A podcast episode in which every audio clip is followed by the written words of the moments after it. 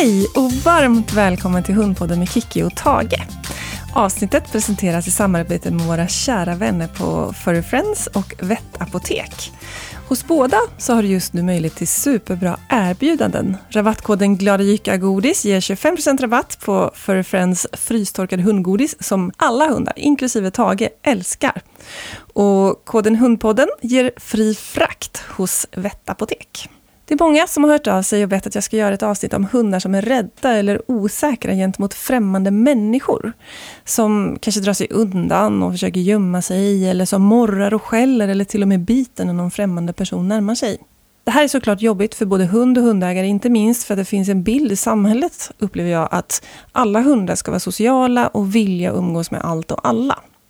Så i det här avsnittet så tänkte jag både prata om varför vissa hundar är skeptiska till främlingar och också om hur du som har en valp kan jobba förebyggande så att ni förhoppningsvis slipper problem i framtiden.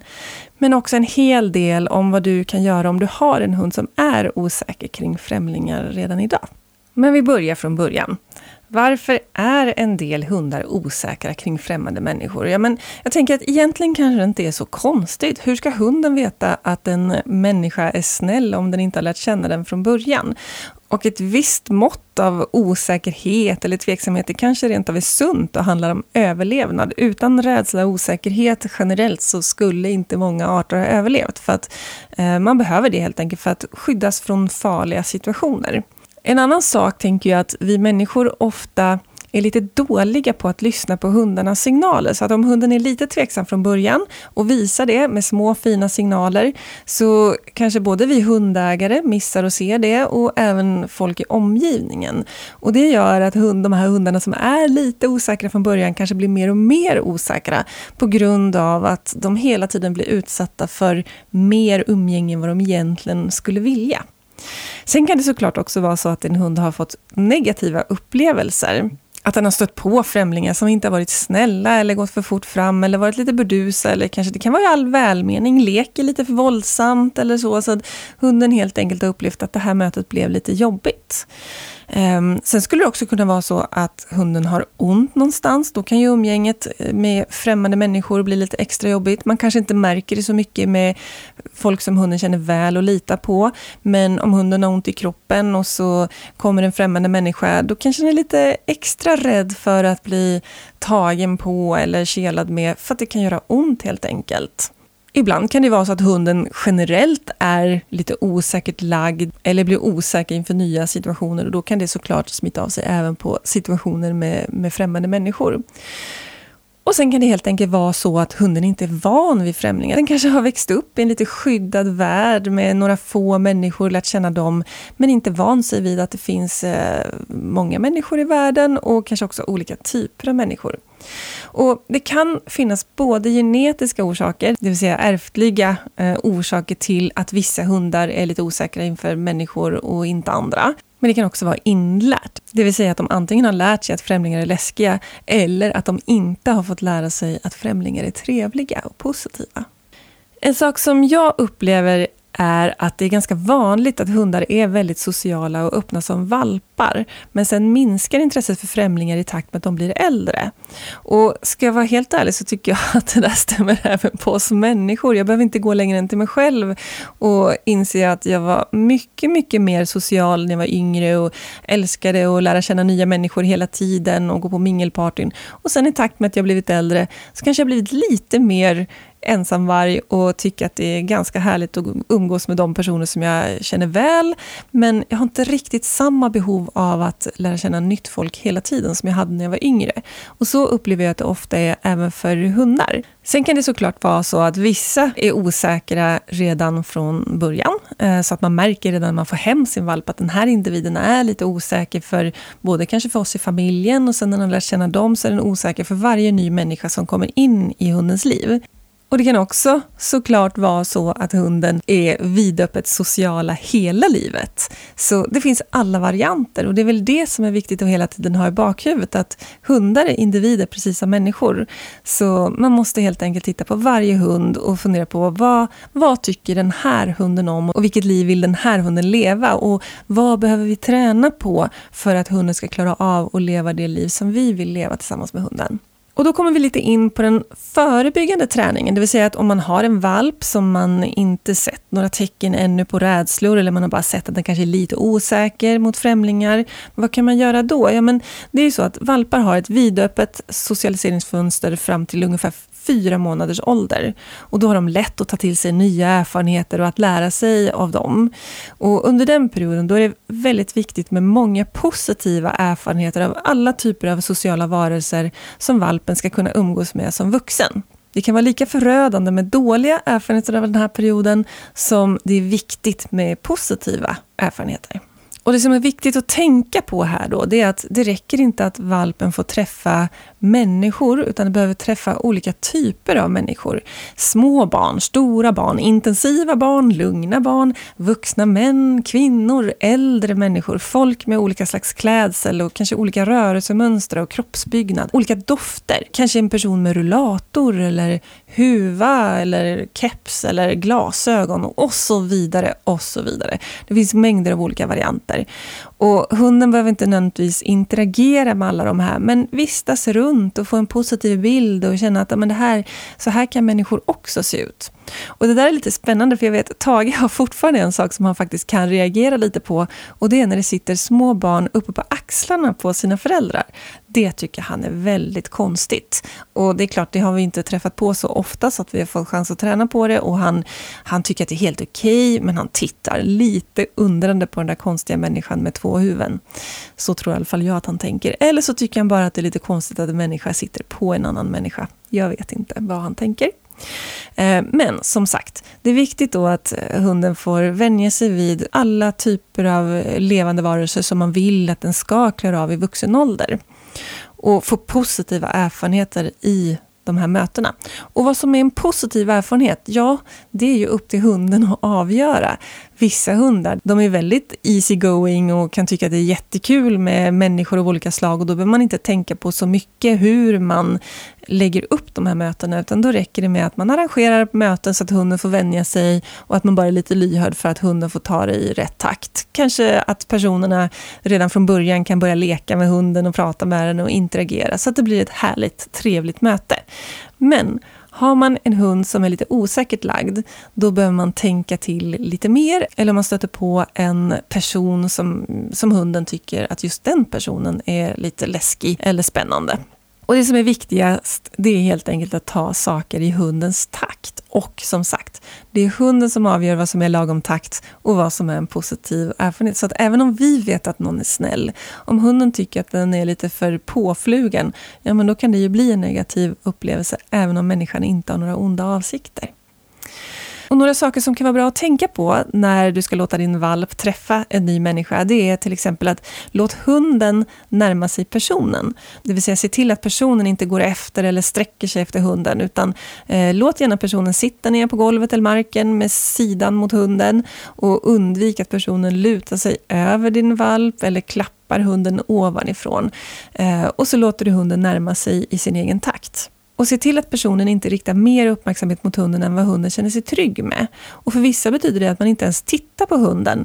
Eh, Medan för andra så kan man börja leka och busa och kul direkt. Så titta på din hund och se hur den reagerar och så försök styra upp personen som den ska hälsa på så att det blir lagom mycket helt enkelt. Om din valp är med på noterna och tycker att det här verkar vara en trevlig person, då kan du låta personen erbjuda hunden något som den vill ha, till exempel godis, lek eller kel. Men var försiktig med att använda det som hunden vill ha för att locka hunden till personen, för då finns det risk att eh, hunden går in i en situation som den inte riktigt är redo för. Men om hunden är med på noterna, då är det jättebra att ge den en riktigt positiv bild genom att eh, låta personen leka eller kela eller, eller ge en liten godisbit. Det som är viktigt här är att du läser din hunds signaler och tolkar dess kroppsspråk. Om kroppen är lös och ledig med en mjukt viftande svans, ja men då är ju allt som det ska. Om hunden är lite hopkrupen, har öronen bakåt, eh, lutar kroppen bakåt och svansen sänkt, ja men då är den osäker i situationen. Och då kan det vara bra att gå lite långsamt fram och ge hunden lite mer utrymme och se till att personen i fråga inte börjar interagera för mycket med hunden. Även en hund som viftar på svansen kan faktiskt vara osäker. Och då ser man oftast korta, snabba viftningar och ofta med lite sänkt svans. Medan en glad och positiv hund, den rör svansen i stora mjuka rörelser. Det som också kan vara bra att tänka på är att en hund som lägger sig på rygg kan vilja bli kliad på magen. Men det kan också vara ett beteende som går ut på att visa sig liten för att avvärja ett hot. Så det skulle kunna vara ett tecken på att hunden är osäker. Men generellt så skulle jag säga, titta på helhetsintrycket på hunden, kolla på kroppshållningen, ett mjukt och ledigt kroppsspråk och en mjukt böljande viftande svans. Då har vi förhoppningsvis en hund som är trygg och glad och positiv i situationen. När man socialiseringstränar sin valp, då är det bra att börja med en person i taget så att det inte blir överväldigande för valpen. Istället för att hela kompisgänget kommer på besök samtidigt så kan man gärna bjuda hem en person i taget. Och Det kan också vara bra att umgås i korta pass så att valpen får vila och återhämta sig. Och även en positiv och glad hund blir trött snabbt och behöver vila. Och de här sakerna som jag säger nu, det gäller ju egentligen faktiskt både valpar men också om du har fått en ny vuxen hund in i familjen. Då kan det också vara bra att ta det lite försiktigt i början och låta hunden känna sig för och lära känna folk i sin egen takt. Eh, och har du skaffat en valp, eller en vuxen hund för den delen, så är det viktigt att hitta lagom nivå på socialiseringsträningen. Hur ofta och hur länge och vilken typ av personer och aktiviteter som är lagom, det varierar från valp till valp och kan också variera från vecka till vecka faktiskt, eller till och med dag till dag. En vecka kanske valpen tycker att det är jättehärligt att träffa olika personer och nästa vecka är den i en ny utvecklingsfas och behöver ta det lugnare och bara vara hemma i sin hemmiljö med trygga personer som den känner väl. Och vistas du i stan eller på andra platser med mycket folk, då måste du avgöra från gång till gång om det är lämpligt för din valp att hälsa på folk eller inte. Alltså, alla vill ju hälsa på gulliga små valpar och det kan vara jättebra socialiseringsträning, men det kan också bli för mycket av det goda. Och det viktiga är ju att det blir i lagom mängd. Och jag brukar säga att det är osäkra hundars förbannelse att vara söta, för de får aldrig vara i fred. Och det är jobbigt att säga nej till folk, men det är superviktigt för valpens skull att du styr upp och skyddar den från folk som vill hälsa om det blir för mycket för din hund. Och för vissa valpar, då är ett enda möte på bussen för mycket. Medan för andra så kan man klara både en och två och tre och tio. Så där måste du försöka känna efter och göra en avvägning för vad som är lämpligt för din hund. Och det behöver ju inte vara det att hunden tycker det är jobbigt med möten som gör att det blir lite för mycket, utan det kan också vara att eh, valpen eller hunden bygger upp en väldigt hög förväntan av att hälsa på allt och alla för att den älskar människor. Och då kan det också vara bra att begränsa det lite grann så att det blir lagom mycket av det goda och att valpen lär sig att vissa människor får man hälsa på och andra inte. Så att den också klarar av att vara lugn runt människor utan att gå upp i stress. När det gäller det här med att säga nej till folk som vill hälsa, så är min rekommendation att inte försöka förklara så himla mycket varför, för att då börjar alltid folk argumentera, utan säg bara ett klart och tydligt men lugnt och vänligt, du får tyvärr inte hälsa på min valp just nu. Och sen vänder du bort blicken eller ställer dig mellan personen och hunden som skydd, så att eh, folk faktiskt avstår från att interagera med valpen. Så fort man ger sig in i någon slags förklaring så är min erfarenhet att folk ska försöka övertyga en om att just de ska få hälsa på hunden just nu. Men med det sagt så är det också viktigt med socialiseringsträning. Så när du hittar tillfällen att socialiseringsträna din valp så är det ju bra att tacka och ta emot. Om de är på rätt nivå och rätt typ av erfarenhet för din hund. Om någon som du tror blir en positiv erfarenhet för din valp frågar om den får hälsa, säg ja, jättegärna om valpen vill. Och be personen sätta sig ner på huk och se om valpen kommer fram. Och så styr du upp mötet så att det blir ett bra och positivt möte för alla inblandade. Och avsluta mötet innan din valp blir för uppspelt eller för osäker. Och ett bra sätt att avsluta på skulle kunna vara att slänga iväg en godisbit i riktning bort från personen och säga sök, som jag ju rekommenderar att man lär alla valpar innan man börjar använda det i skarpt läge. Och när valpen börjar söka så tackar du för det fina mötet med personen och sen så går ni vidare. Så att det blir lagom mycket av det goda. Om du har en hund som inte vill fram och hälsa på folk ute på promenaden så kan ett sätt att säga nej på ett trevligt sätt vara att säga Nej tyvärr, min hund vill inte hälsa men du kan jättegärna få kasta iväg några godisbitar som hunden får söka efter. Och så sträcker du fram några godisbitar till personen och så får personen interagera med valpen utan att det blir en negativ erfarenhet för valpen, utan till och med någonting positivt, eftersom det kommer godisbitar från personen i fråga. Här är det också viktigt att tänka på att personen kastar godisbitarna bort från sig så att valpen inte behöver gå närmare personen än vad den egentligen vill för att få godisbitarna. För annars finns det risk, precis som jag nämnde tidigare, att hunden lockas in i en situation som den egentligen inte riktigt är redo för. Och samma principer som gäller vid eh, interaktion med människor ute på promenaden kan gälla när ni får besök hemma. Eh, lagom många besök och lagom långa besök. Be besökaren att låta hunden vara tills den självmant kommer fram vara med och tolka valpens signaler och guida personerna så att mötet blir bra för alla parter. Kanske kan du förbereda en toarulle med godis i eller en handduk med godisbitar i som besökaren får ge valpen efter en stund så att valpen har något att pyssla med medan du fortsätter umgås med gästerna i närheten av valpen. Eller kanske ett tuggben. Om du har en valp som är osäker kring människor så är det en svår men viktig avvägning hur och hur mycket du ska socialiseringsträna. Just den osäkra valpen är i lite extra stort behov av socialiseringsträning. Men det är också oerhört viktigt att det blir i valpens takt. För går det för fort fram och det blir för mycket av det goda, då kan det leda till att valpen blir mer osäker.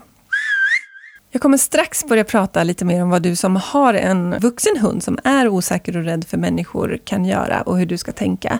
Men innan jag börjar med det så skulle jag vilja påminna om att du som lyssnare har fri frakt hos vår samarbetspartner vettapotek.se om du använder koden HUNDPODDEN.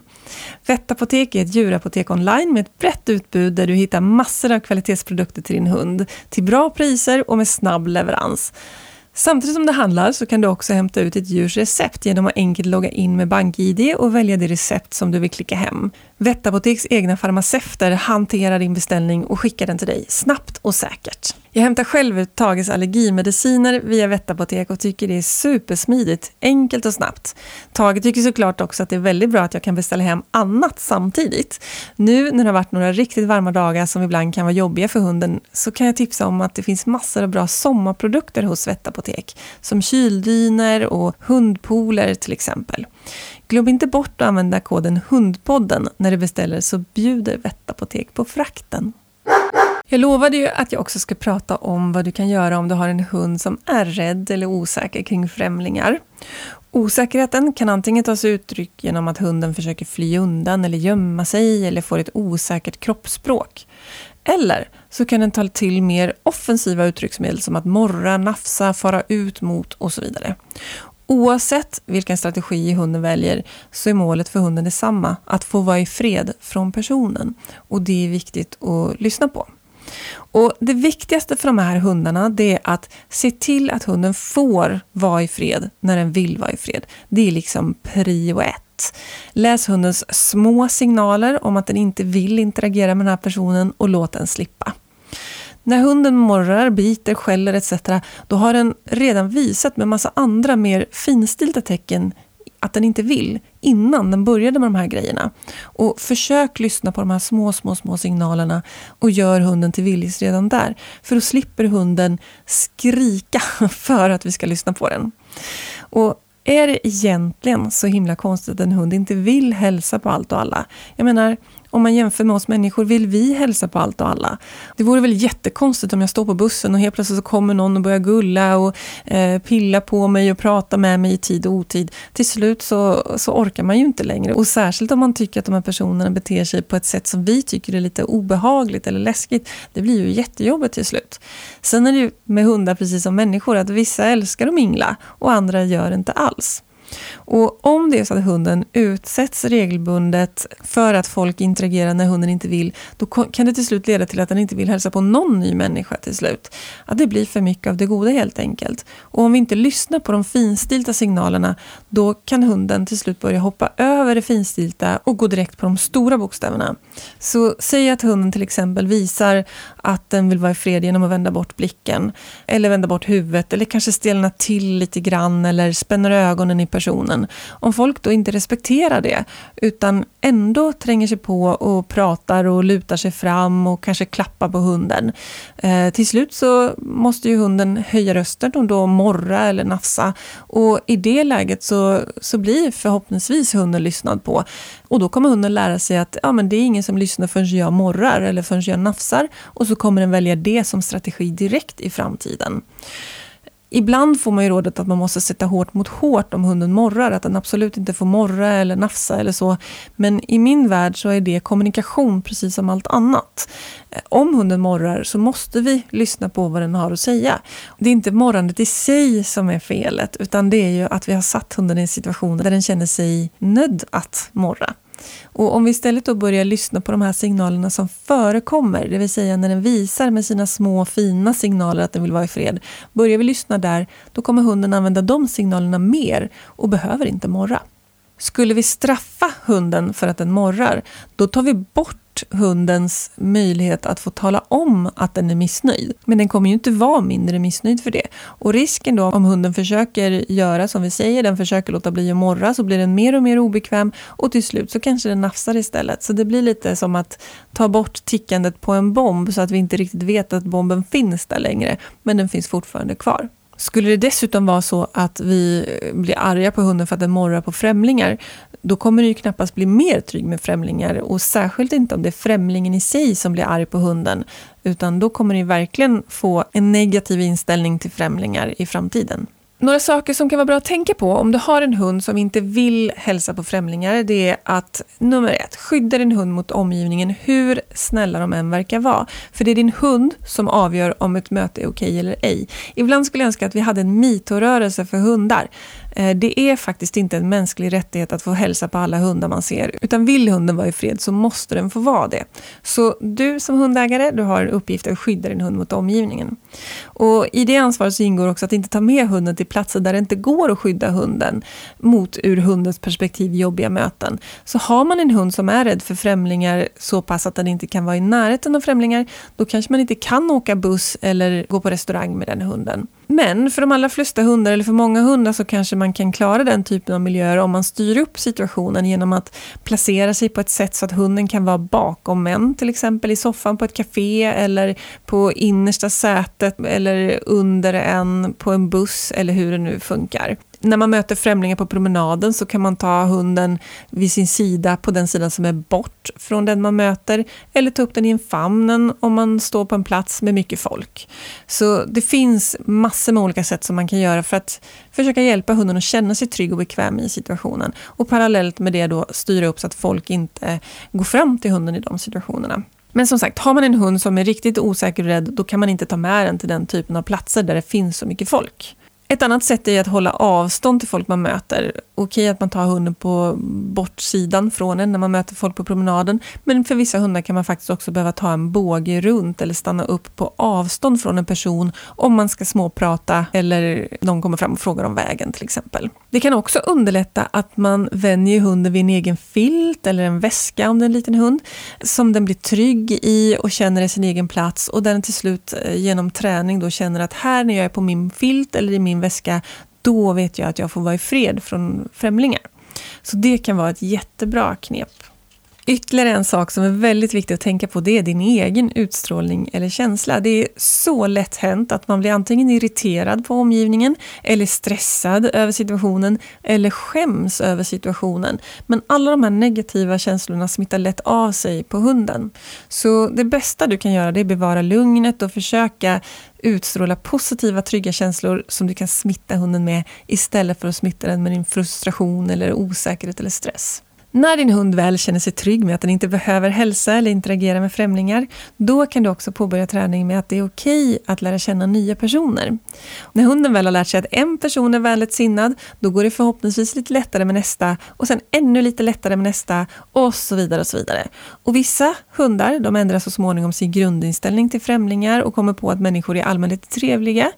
Men andra, de har kvar liksom sin lite negativa pessimistiska inställning till främlingar, men kan tycka att det är helt helt okej okay att lära känna nya om de får ta det i sin egen takt.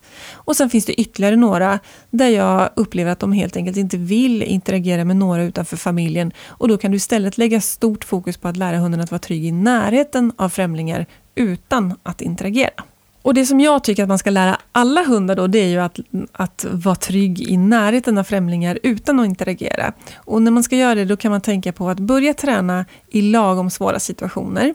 Jag brukar likna känslan i hunden vid ett trafikljus. Att hunden kan vara på grönt ljus, gult ljus eller rött ljus och egentligen alla nivåer däremellan. Och när man lägger upp den här träningen att vara runt främlingar, då ska man lägga upp träningen så att hunden är på grönt ljus. Det vill säga främlingar ska vara på långt håll och inte den läskigaste typen av främlingar. Om hunden tycker det är jobbigt med barn till exempel, börja träna med andra främlingar, börja inte med det svåraste. Eh, det kan eventuellt vara så att hunden touchar lite gröngult ljus i den här träningen, men gå inte så fort fram att hunden hamnar på gult eller rött ljus. Och Då handlar det helt enkelt om att bara vistas i den här miljön där den ser människor på avstånd som pysslar med sitt och att hunden får positiva erfarenheter. Eh, om du vill så kan du ge hunden en godisbit och lite positivt prat varje gång hunden tittar på en person eller sniffar lite efter den. Eh, du kan låta hunden söka lite godis i närheten av de här personerna men var försiktig med att locka in hunden med godis. Träna på saker som hunden redan kan, så att den får liksom göra lätta saker, roliga saker runt de här personerna och kanske bara vara. Och var i den här situationen korta, korta stunder och sen gå därifrån och pausa och sen så kan man gå tillbaks och köra en ny träningssession. Detsamma gäller på promenader. Promenera på ställen där det är lagom svåra situationer att träna på. Hunden ska vara på grönt ljus hela tiden, eller max gröngult. Eh, håll avstånd till de ni möter. Extra mycket avstånd till de personer som är lite svårare för hunden. Om det är svårt att räkna ut om hunden kommer tycka att en person är svår eller inte, då rekommenderar jag att du tittar mer på din egen hund än på den du möter när du försöker tolka situationen. Det är lätt hänt att man tänker att ja, men min person tycker det är svårt med folk med svarta jackor eller med huvor eller folk som rör sig på ett visst sätt. Men det är nästan bättre att titta på hunden att okej, okay, nu såg jag att min hund tittar till lite här. Ja, men då är det bäst att jag ökar och tar en liten båge runt den personen för att min hund fastnade längre än några sekunder med blicken på den personen. Så titta hellre på din egen hund än på det du möter för att tolka situationen. När du är ute på promenaden och tränar eller när du sitter still och tränar för den skull så kan man använda något som kallas för motbetingning för att ombetinga känslan i situationen. Och I sin enklaste form så går det ut på att varje gång hunden ser någonting som hade kunnat leda till en negativ känsla hos hunden så ger vi hunden någonting positivt. Så om din hund får syn på ett barn på långt håll, då kan du ge en godisbit. Eller om den får syn på en eh, tant med rullator, ja men ge en godisbit. Så att hunden hela tiden får en positiv positiv association till saker som den annars hade kunnat uppleva som lite obehagligt. Men fortfarande så ska störningen helst vara på så långt håll att det är så lite obehag som möjligt. Det som också är viktigt här, det är ordningen på det hela. Att hunden först får syn på personen ni möter och sen kommer det positiva. Annars finns det risk att hunden lär sig att varje gång du tar fram godis så finns det någonting läskigt runt omkring er och det vill vi ju inte. Så ordningen är viktig. En annan sak som är ganska vanlig, det är att hundar reagerar när man stannar upp och pratar med någon eller om någon kommer fram mot er och tar kontakt. Och i det sammanhanget då kan det vara bra att träna in en tydlig ritual för den här typen av möten. Man kan helt enkelt träna på att stanna upp och så låta hunden göra någonting och sen går man vidare. Och I början så gör man det här helt utan personer. Efter ett tag så kan man ha låtsaspersoner. Sen kan man ha personer som hunden känner väl och till slut så kan man träna på lätta främmande personer och så småningom svårare främmande personer. Och Det jag tänker med tydlig ritual det kan vara till exempel att jag stannar upp och så låter jag hunden söka godisbitar som jag droppar bakom mig.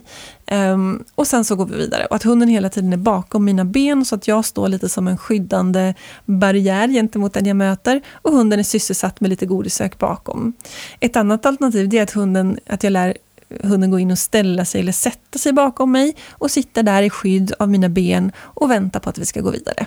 Och som sagt, då behöver man träna jättemycket på det här först utan störningar och sen kan man gå ut och låtsas att träd är personer och sen kan man träna på personer som hunden känner eller inte tycker är läskiga och så småningom är läskiga personer. Ett annat träningssätt eller ritual som jag gillar det är att man lär hunden att hej hej betyder att den eh, ska söka kontakt med mig och få en liten godisbit eller lek eller någonting för det. Och då kan man använda det när man möter folk, att varje gång som jag möter någon person så säger jag hej hej och så ger jag min hund en godisbit. Då får jag dels en positiv känsla i kroppen istället för att tänka oh nej, där kommer en person, utan istället tänker jag att oh, där kommer en person jag kan heja på. Och så hör hunden min positiva känsla och så har jag tränat mycket på det här i andra situationer så att hunden vet att när jag säger hej hej, då lönar det sig att gå, jag behöver inte bry mig om det som finns i omgivningen utan jag kan gå till min matte eller husse och få en godisbit eller en leksak. Så det kan jag varmt rekommendera. Och i samband med det här, fortsätt att styra upp och parera omgivningen. Se till folk att ni inte vill hälsa, eh, håll upp en hand och håll i bort personer om det behövs eh, när folk är på väg fram. Så styr upp dem på olika sätt och skydda din hund om det behövs. Och det som hela tiden är viktigt att tänka på i den här träningen, det är att ta lagom stora steg från nuläget till målet. Och lagom stora steg, det är steg där vi får med oss rätt känsla och rätt beteende. Och i det här sammanhanget när vi pratar om osäkra hundar, då är ju känslan det viktigaste. Det är inte så noga vad hunden gör om vi får hunden trygg och, och, positiv i mötet med främlingar, då kommer den också troligtvis bete sig på ett önskvärt sätt. Men just när vi tränar in, vi kan ha hjälp av olika ritualer och sånt, så att, och när vi tränar in dem, då använder vi också ett beteende för att hunden ska liksom förstå vad som förväntas av den i situationen, att den kanske får någonting att pyssla med som gör att den inte blir rädd och osäker, för att den, den känner igen situationen och vet vad som förväntas. Om hunden är rädd för barn just, då kan ju tips vara att träna på de här sakerna i närheten av ett dagis eller en lekplats. Och att man då börjar på så långt avstånd, återigen då att hunden är på grönt ljus. Så bara gå lite, lite i närheten av så att det kanske räcker med att hunden hör ljud från dagiset i början. Och sen så småningom så kan man gå närmare och närmare.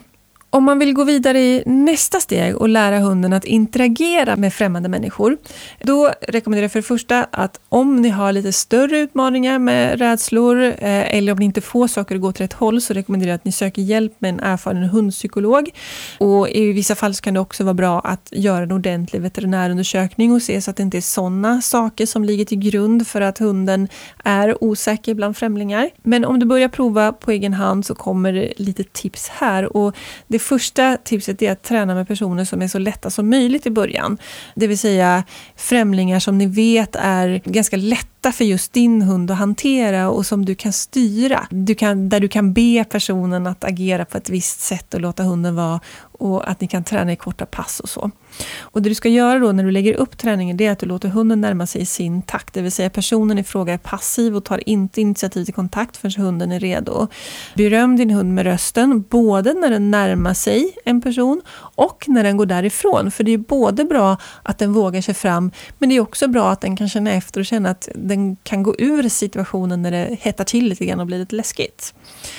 Belöna gärna hunden eh, med godis, men använd som sagt inte godiset till att locka hunden närmare personen. Men när hunden är på väg fram till personen så kan du ge en godisbit och gärna använda godisbiten för att hjälpa hunden att gå ur situationen. Så när den närmat sig lite så kan du belöna genom att kasta en godisbit i riktning bort från personen. Och nästa gång då kanske hunden vågar närma sig lite till och då kan du återigen belöna genom att kasta godisbiten i riktning bort.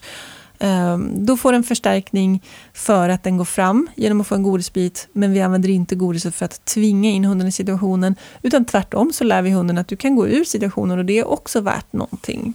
Annars är det ganska lätt hänt att hunden liksom sugs, om det blir lite läskigt när den är nära personen, så är det lätt hänt att den sugs in i situationen och så kanske börjar skälla eller morra när den väl är nära personen. Och då kan vi genom att Eh, kasta godisbiten i riktning bort från personen lära hunden att om det hettar till, då kan du välja att gå därifrån istället för att be personen försvinna.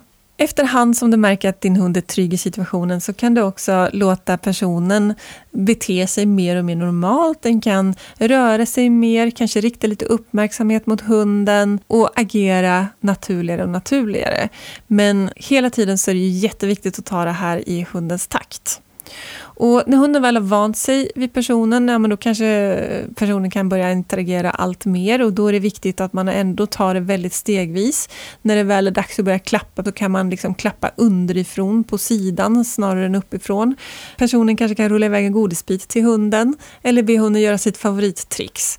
Och att ni hela tiden håller koll på hundens signaler och anpassar så att det blir en positiv upplevelse för hunden.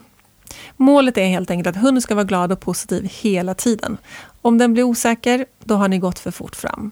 Även här är det viktigt att träna i korta pass. Upprepa flera gånger med en specifik person tills hunden är helt trygg med den innan du börjar med nästa person. Så ibland kan man behöva träffa en person kanske två, eller tre, eller fyra eller tio gånger för den delen innan hunden har lärt sig liksom att, att den här personen är helt ofarlig. Och då kan du sedan börja om från steg ett med nästa. Och förhoppningsvis så går det bättre och bättre och snabbare och snabbare för varje person som ni tränar med.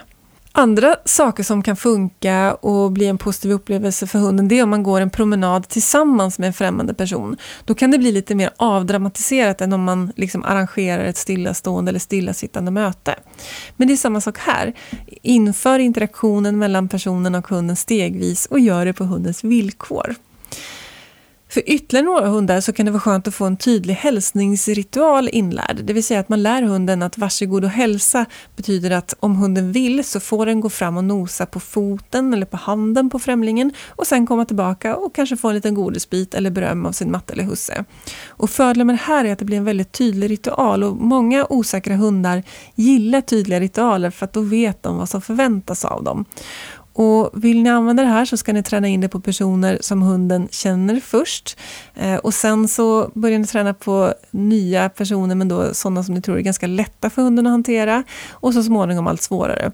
Och tänk på att det alltid måste vara frivilligt att gå fram. Så pressa inte hunden att gå fram, utan säger du varsågod och hälsa och hunden väljer att avstå, så kan du faktiskt belöna och förstärka även det valet. För att det är ett mycket klokare beslut från hundens sida än att gå dit och sen skälla eller göra utfall mot personen. Ja, så där har ni lite tips på hur man kan träna med främlingar och eh, ibland så kan det vara lite svårt och tolka hunden. Vissa hundar kan vara lite ambivalenta, upplever jag. De kan vara både nyfikna och rädda samtidigt. Och det är på ett sätt bra, för då har vi en nyfikenhet. Eh, men det är lika viktigt här att vi går långsamt fram så att hunden kommer över sin osäkerhet och blir helt trygg och glad. Så om hunden söker kontakt men verkar väldigt osäker, ja men försök att ändå följa de här tipsen och råden. Då kommer ni snabbare mot målet att hunden kan umgås helt ut utan osäkerhet med personen i fråga. En annan situation som är ganska lätt att missförstå, det är hunden som är osäker men som vill fram och kolla av personen. Hunden är kanske osäker och rädd och vill egentligen vara i fred, men den vill också gå fram, den får liksom lite kontrollbehov, den vill fram och kolla vad är det här för en individ egentligen. Och då drar den sig mot personen och så länge personen är stilla så går det bra, då nosar den en stund och sen så går hunden därifrån. Men om människan då gör en plötslig rörelse eller helt plötsligt eh, sträcker sig ner för att klappa hunden eller börjar prata med hunden, då kanske hunden gör ett utfall. Eller morrar eller far ut eller, eller springer därifrån och blir rädd. Så det kan vara så att hunden vill gå fram och då kan det lätt tolkas som att den vill interagera men den kanske bara vill fram och kolla av. Den är inte alls redo för att interagera. Och samma sak där då, måste man också lägga upp träningen på ett sätt där hunden är trygg i varje steg. Ytterligare ett beteende som jag ofta får frågor kring, det är när hunden springer dit och skäller. För att om hunden nu egentligen vill vara i fred, varför går den inte bara därifrån? Och det är såklart för att hunden tänker att anfall är bästa försvar. Största chansen för att jag ska få vara i fred är att jag springer dit och säger stick och brinn. Och då kan det antingen vara lite genetiska skillnader. Vissa hundtyper har lättare att ta till den här typen av beteenden än andra. Vissas, vissa hundars spontana reaktion är att springa därifrån om de tycker det är läskigt. Och vissa hundars spontana reaktion är att sticka dit och skälla och be folk försvinna. Så det kan vara lite genetiska skillnader som styr. Men sen kan de också lära sig erfarenhetsmässigt att de kanske har provat först att dra sig undan men inte fått vara i fred då. Och då har de trappat upp och istället bett om sticka därifrån genom att skälla. Eh, och då har hunden kanske fått gehör för det och lärt sig att det är det som är den mest lönsamma strategin. En annan sak som många frågar om när de bokar in sig på privatlektioner och så, det är varför det funkar med vissa men inte med andra främlingar. Och ibland så kanske man själv har hittat någon slags röd tråd att det funkar bra med barn i en viss ålder men inte en annan, eller det funkar bra med eh, folk om de inte har huva eller keps på sig eller det funkar bra med kvinnor men inte män eller det kan vara, det kan vara saker som man själva har hittat. Men ibland så hittar man inte riktigt den röda tråden och då kan det antingen vara att ett utseende påminner för hundens del om någonting den varit med om tidigare eller att det kanske har med doften att göra. För doften, då är ju vi helt rökta. Vi har ju ingen koll på inte alls på den eh, nivå, detaljnivå som hundarna har i alla fall, att människor doftar på massa olika sätt. Ibland kan det bli helt uppenbart såklart, att vi känner att en människa luktar svett eller någonting annat, men hundar har ju en helt fantastisk förmåga att skilja på olika dofter. Så våra hundar kan definitivt särskilja och kategorisera människor utifrån dofter på ett helt annat sätt än vad vi kan. Och då kanske det är det som gör att hunden blir rädd för en person, men inte för en annan. Om jag skulle ta och summera upp det som jag sagt i det här avsnittet, så är det ju dels så att olika hundar är olika sociala. Och det kan ha både med personlighet att göra och det kan ha med inlärning och erfarenheter att göra. Och prio ett när det gäller den här typen av hundar som är lite osäkra, det är att respektera hundens vilja. Hunden behöver inte hälsa på folk om den inte vill. Och i första hand så skulle jag träna hunden till att vara trygg runt främmande personer. Och sen om det går och om det funkar för just den hunden skulle jag också lära hunden att kunna interagera med nya personer, åtminstone några, Eh, för att kunna utvidga bekantskapskretsen. Det är jätteviktigt att träna i lagom stora steg, det vill säga steg där hunden är positiv och trygg i varje steg. Och var beredd att anpassa och styra upp omgivningen så att din hund är trygg i varje läge. Då ökar chansen att den klarar allt fler situationer i framtiden. Och innan jag rundar av för idag så skulle jag dels vilja påminna om att du får fri frakt hos Vettapotek om du uppger koden Hundpodden och dels tipsa om att vi just nu har en sommarkampanj på våra kurser på Glada Jyckar. Om du uppger koden SOMMAR2022 så får du 25% rabatt på våra onlinekurser och 20% rabatt på alla våra vanliga kurser på plats i Stockholm. Online så har vi bland annat en apporteringskurs med Cecilia som jag verkligen kan rekommendera. Det är en superrolig och nyttig aktiveringsform som passar alla hundar, men framförallt alla hundar som gillar att bära på saker. Och jag själv har gjort en kurs som heter Vardagsträning, aktivering och abrovinker och där får du massor av träning på det som en hund behöver i vardagen. Och live så har vi både intensivkurser i sommar, både i rallelydnad, nosework och valpkurser och så massor av olika kurser i höst. Så in och kolla på Glada Jykars webbsida, gladajyka.se. Och du, glöm inte följa mig på Instagram där jag heter hundpsykologen Kiki. Jag vill såklart också tipsa om både Furry Friends och Vettapoteks Instakonton. Det är ju våra samarbetspartners som möjliggör podden så visa gärna din uppskattning genom att in och följa dem i sociala medier. Tusen tack för att du har lyssnat på Hundpodden med Kiki Felstenius och Tage the Beagle. Och om två veckor då kommer nästa avsnitt och det kommer handla om att skaffa valp eller hund till en barnfamilj. Och även du som inte har barn i familjen kommer få massor av nyttiga tips för att introducera en hund i familjen eller kring barn som inte ingår i familjen. Ha en underbar sommar!